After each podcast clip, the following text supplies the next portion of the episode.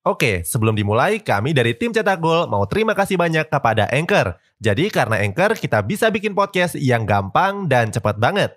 Mulai dari edit sampai share dan publish di banyak platform. Mulai dari Spotify, Apple Podcast, sampai platform podcast lainnya. Aplikasi Anchor ini gratis, bisa di-download di App Store dan Play Store, atau kamu juga bisa akses di website www.anchor.fm. Jadi sekali lagi terima kasih kepada Anchor yang bikin Cetak Gol punya podcast yang bisa kamu dengarkan sekarang. Barcelona resmi menunjuk Xavi Hernandez sebagai pelatih anyar mereka.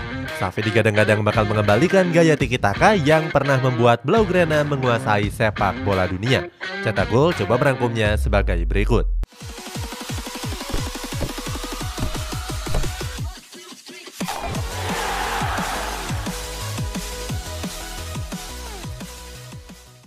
Permainan penguasaan bola.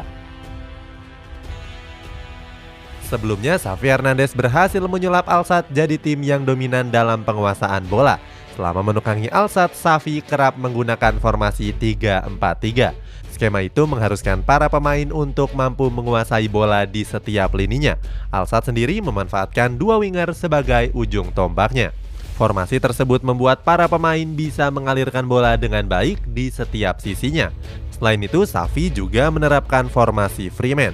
Freeman sendiri merupakan formasi yang mewajibkan pemain untuk bisa mengalirkan bola, walaupun sedang mendapatkan pressing ketat dari tim lawan. Formasi ini merupakan kunci dari Alsat untuk bisa lepas dari tekanan.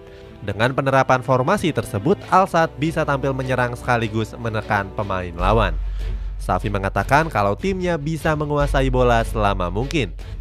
Selain itu, mereka juga sering memainkan bola di area tim lawan.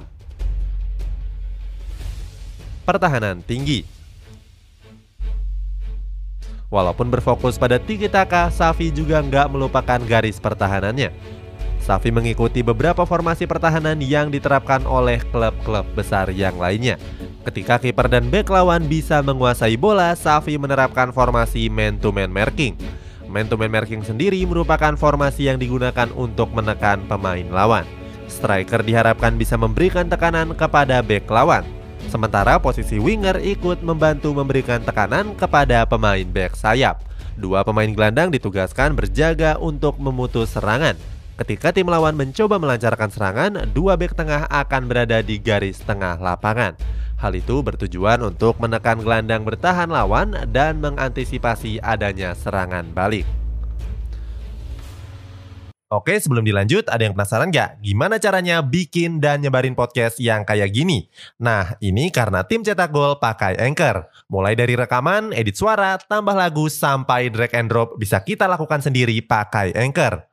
Satu aplikasi sudah bisa buat semua kebutuhan podcast.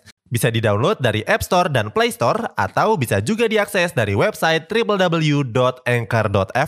Terus yang terpenting, Anchor ini gratis. Download dan coba sendiri setelah tonton episode ini. Penerapannya di Barcelona. Melihat materi pemain, Safi tentu bisa menerapkan formasinya di Barcelona. Di sektor pertahanan, Barcelona punya dua bek tangguh yakni Eric Garcia dan Pique. Kedua pemain tersebut dinilai cukup bagus untuk menerapkan formasi racikan Safi. Sementara di lini tengah Barcelona juga punya dua gelandang yang atraktif yang bisa mengalirkan bola.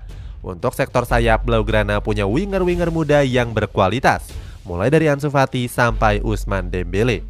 Walaupun masih muda, keduanya juga sudah tampil cukup apik. Sementara untuk sektor penyerangan ada Memphis Depay yang bakal jadi andalan dalam menjebol gawang tim lawan. Di sisi lain ada Gavi yang akan melapisi Memphis Depay.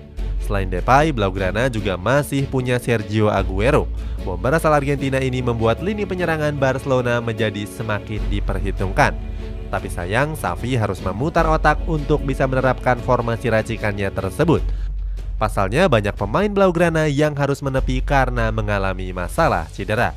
Apalagi mereka yang mengalami cedera merupakan pemain-pemain pilar di setiap lininya.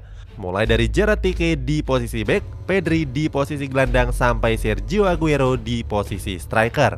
Hal ini tentu jadi masalah sendiri dan Safi dituntut untuk bisa memanfaatkan sisa pemain sebaik mungkin. Itulah taktik Xavi Hernandez yang mungkin bisa diterapkan di Barcelona.